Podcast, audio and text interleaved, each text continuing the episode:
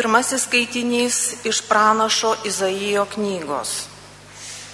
Ieškokite viešpaties, kai galima jį rasti. Šaukitės jo, kai jis yra arti.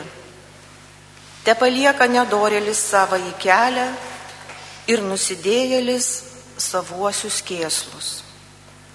Te grįžta jis pas viešpatį, kad jo pasigailėtų pas mūsų Dievą, nes Jis labai atlaidus. Ne mano mintis, ne jūsų mintis, o mano keliai, ne jūsų keliai. Viešpatie žodis. Kai aukštas dangus viršum žemės, taip mano keliai viršyje jūsų kelius ir mano mintis jūsų mintis. Tai Dievo žodis.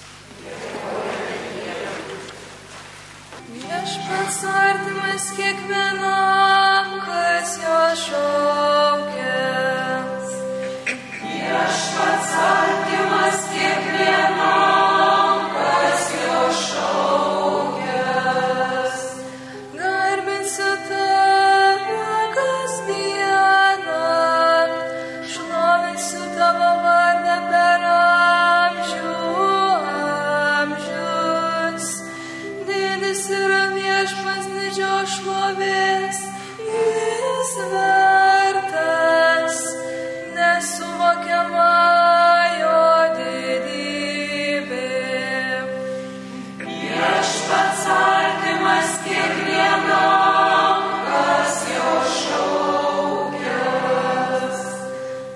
Viešpas atlaidus ir gailestingas,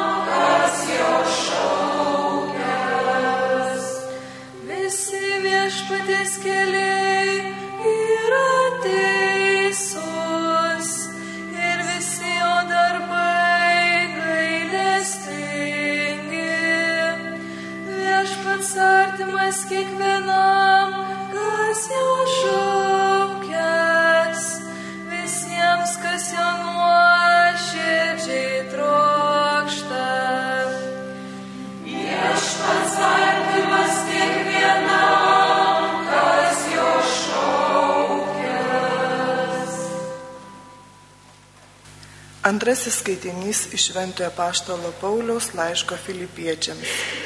Broliai ir seserys, Kristus bus, bus viešai išaukštintas mano kūne, nesvarbu ar gyvenimu, ar mirtimi. Man gyvenimas tai Kristus, o mirtis tik laimėjimas. Bet jei aš, gyvendamas kūne, dar galėčiau vaisingai pasidarbuoti, tuomet nebežinau, ką pasirinkti. Mane traukia ir viena, ir antra.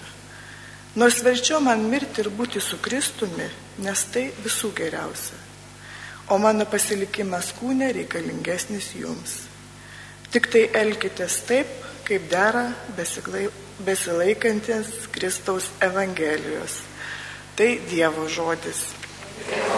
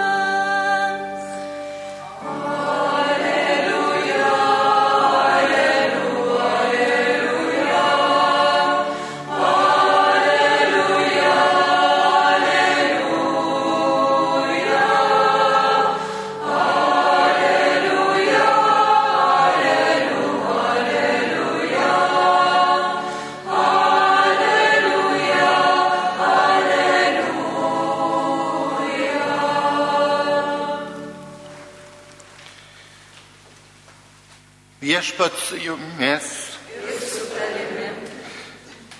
Pasiklausykite iš Ventosios Evangelijos pagal Matą.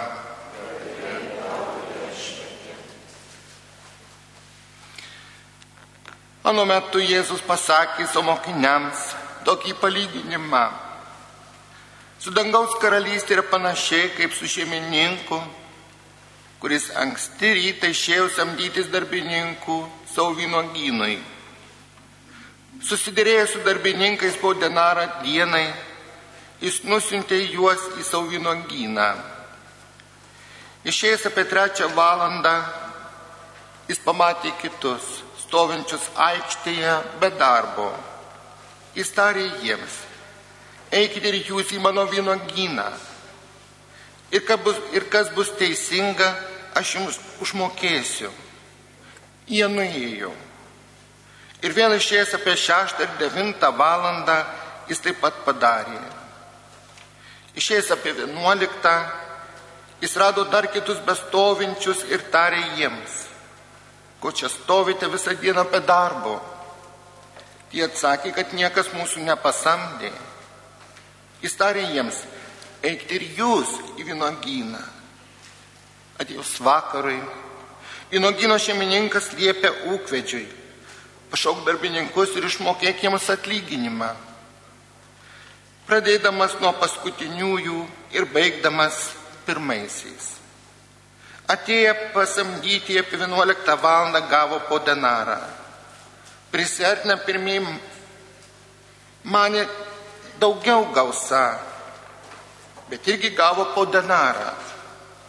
Imdami murmėjau prieš šeimininką ir sakė, šitie paskutiniai tai dirbo vieną valandą, o tu sulyginai juos su mumis, nešusiais dienos ir kaitros naštą. Bet jis vienam atsakė, bičiuli, aš tavęs neskriaudžiu, argi ne už denarą susidėrėjai su manimi, imkas tavo, eik savo. Aš noriu šitam paskutiniam duoti tiek, kiek tau. Nejaugi man nevalia tvarkyti savo reikalų, kaip noriu. Ar todėl šnairuoji, kad aš geras? Tai paskutiniai bus pirmi, o pirmieji paskutiniai. Tai viešpaties žodis.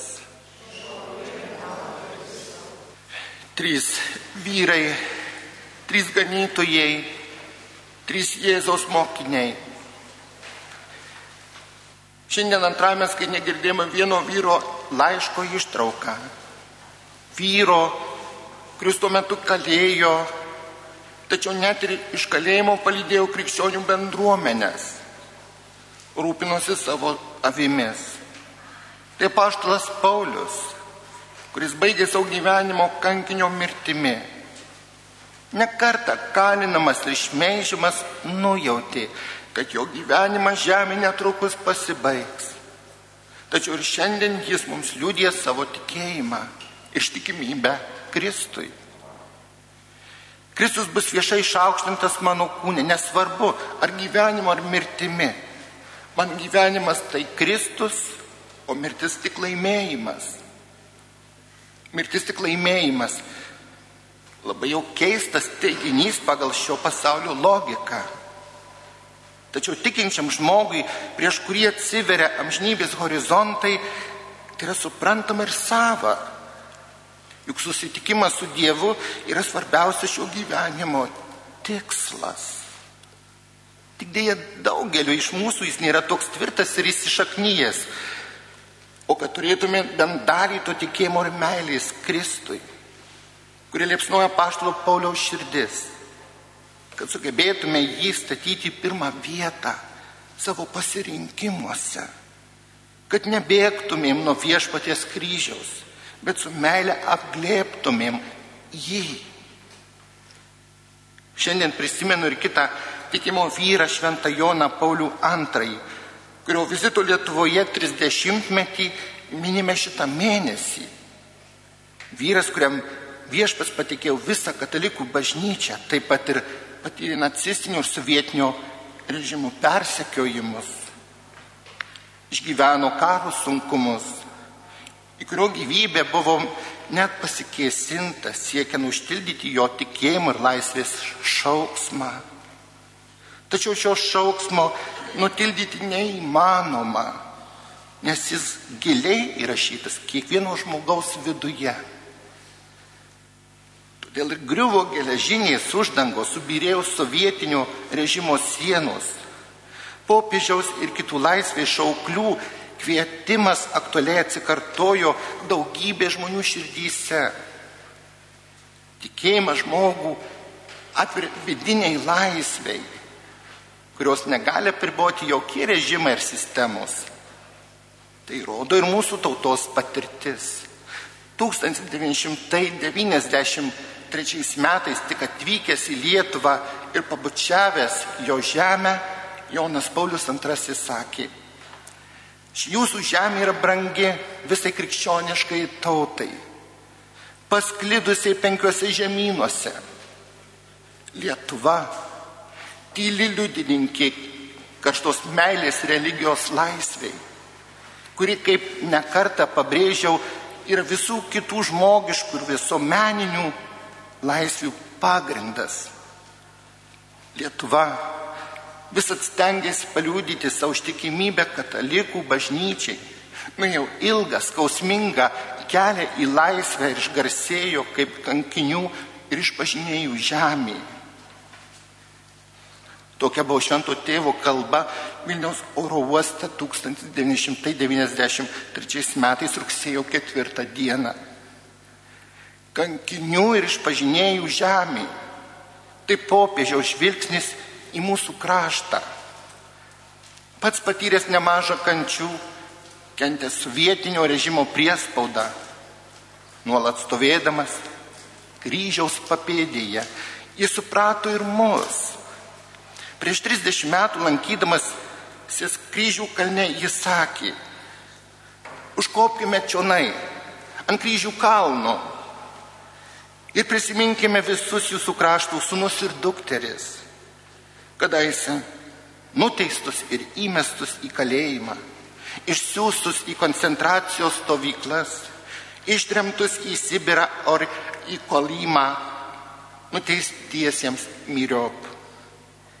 Iš jų ypač norėčiau priminti tris bažnyčios šulus - Telšių vyskupą Vincentą Borisevičių, Kaišinurių vyskupą Teofilių Matulionį, kurio žemiškoji kelionė te buvo vien skaudi kančios ir sielvarto kalvaryje iki pat mirties.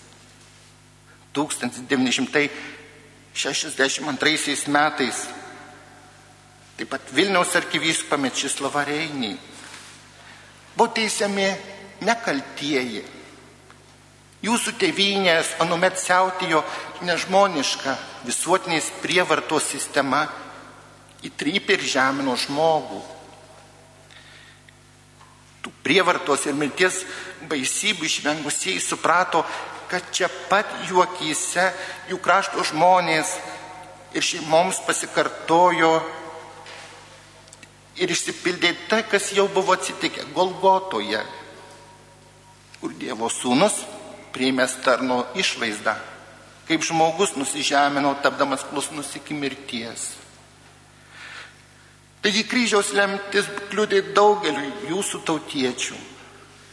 Jums nukryžiuotas Kristus buvo neišsenkamas dvasios jėgų šaltinis, išvežimų ir mirties nuosprendžio akimirkomis. Kryžius visai tautai ir bažnyčiai tapo apvaizdos dovanoto palaimos versme, žmonių susitaikymo ženklu. Jis įprasmino kančią, lygą, skausmą Kaip praeitie, taip ir šiandien kryžius toliau lydi žmogaus gyvenimą. Tokia buvo švento tėvo kalba kryžių kalne 1993 metais rugsėjo 7 dieną. Turbūt ne veltui švento Jono Pauliaus antrojo vyskupiškojo herbo centre buvo kryžius, kuris vis atsikartodavo ir jo kasdienėme gyvenime. Tais aiškiai matė ir mūsų tautos istorijoje. Šiandien esame Kaišėdorių katedroje. Šalia žemiškųjų palaikų šio krašto gyventojų, kurį pats šventas Jonas Paulius II mums pristatė kaip pavyzdį šalia palaimintų Teofiliaus Matulionio. Tai irgi tikėjimo vyras. Turbūt daugelis seno laikmečio šios katedros lankytojų galėtų paliudyti palaiminto Teofiliaus tikėjimo gilį, meilę ir ištikimybę Kristui bei bažnyčiai.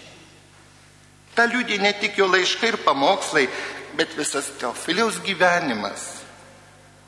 Kristus buvo jo gyvenimo pamatas ir Teofiliaus laimės pagrindas. Viename savo pamoksle jis klausia, o kurgi tad yra laimė, kur jos ieškoti? Į klausimą atsako viešpats Jėzus. Ateikite pas mane visi, o aš jūs atgaivinsiu. Taip tikrai Kristus tai gali mums suteikti ramybės ir laimės, kurios trokštame ir be kurios gyventi negalime. Tapęs vyskupų palaimintasis Teofilius pranašiškai pasirinko savo ganytiško, ganytiškojosios tarnystės šūkį per krucem at astra, per kryžių žvaigždės. Ir savo viskupystės gerbė pavaizdavo tris kryžius ir škeičių vainiuką apjuostą avinėlį. Jo kelionė amžinybės link nuolat buvo lydima kryžiaus, naštos ir palaiminimo. Palaiminimo? Taip, nes kryžius mums nuskaistina atveria Dievo meilės bei globos patirčiai. Su pasitikėjimu jis tą liudijo viename savo laiškų. Nėra ko liūdėti, o su teisiuoju jo bus sakyti Dievas davė kryžių, Dievas duos ir jėgų nešti jį. Atėjus laiku paims jį ar dar trumpiau. Būk valia tavo. Šis priimtas kryžius yra ta gyja vieninti šiandien prisimintų trijų tikėjimo vyrų gyvenimus. Trys vyrai, trys ganytojai, trys ištikimi Jėzaus mokiniai ir tas pats kryžius. Priimtas su meile ir skleidė šventumo dvelgsmu.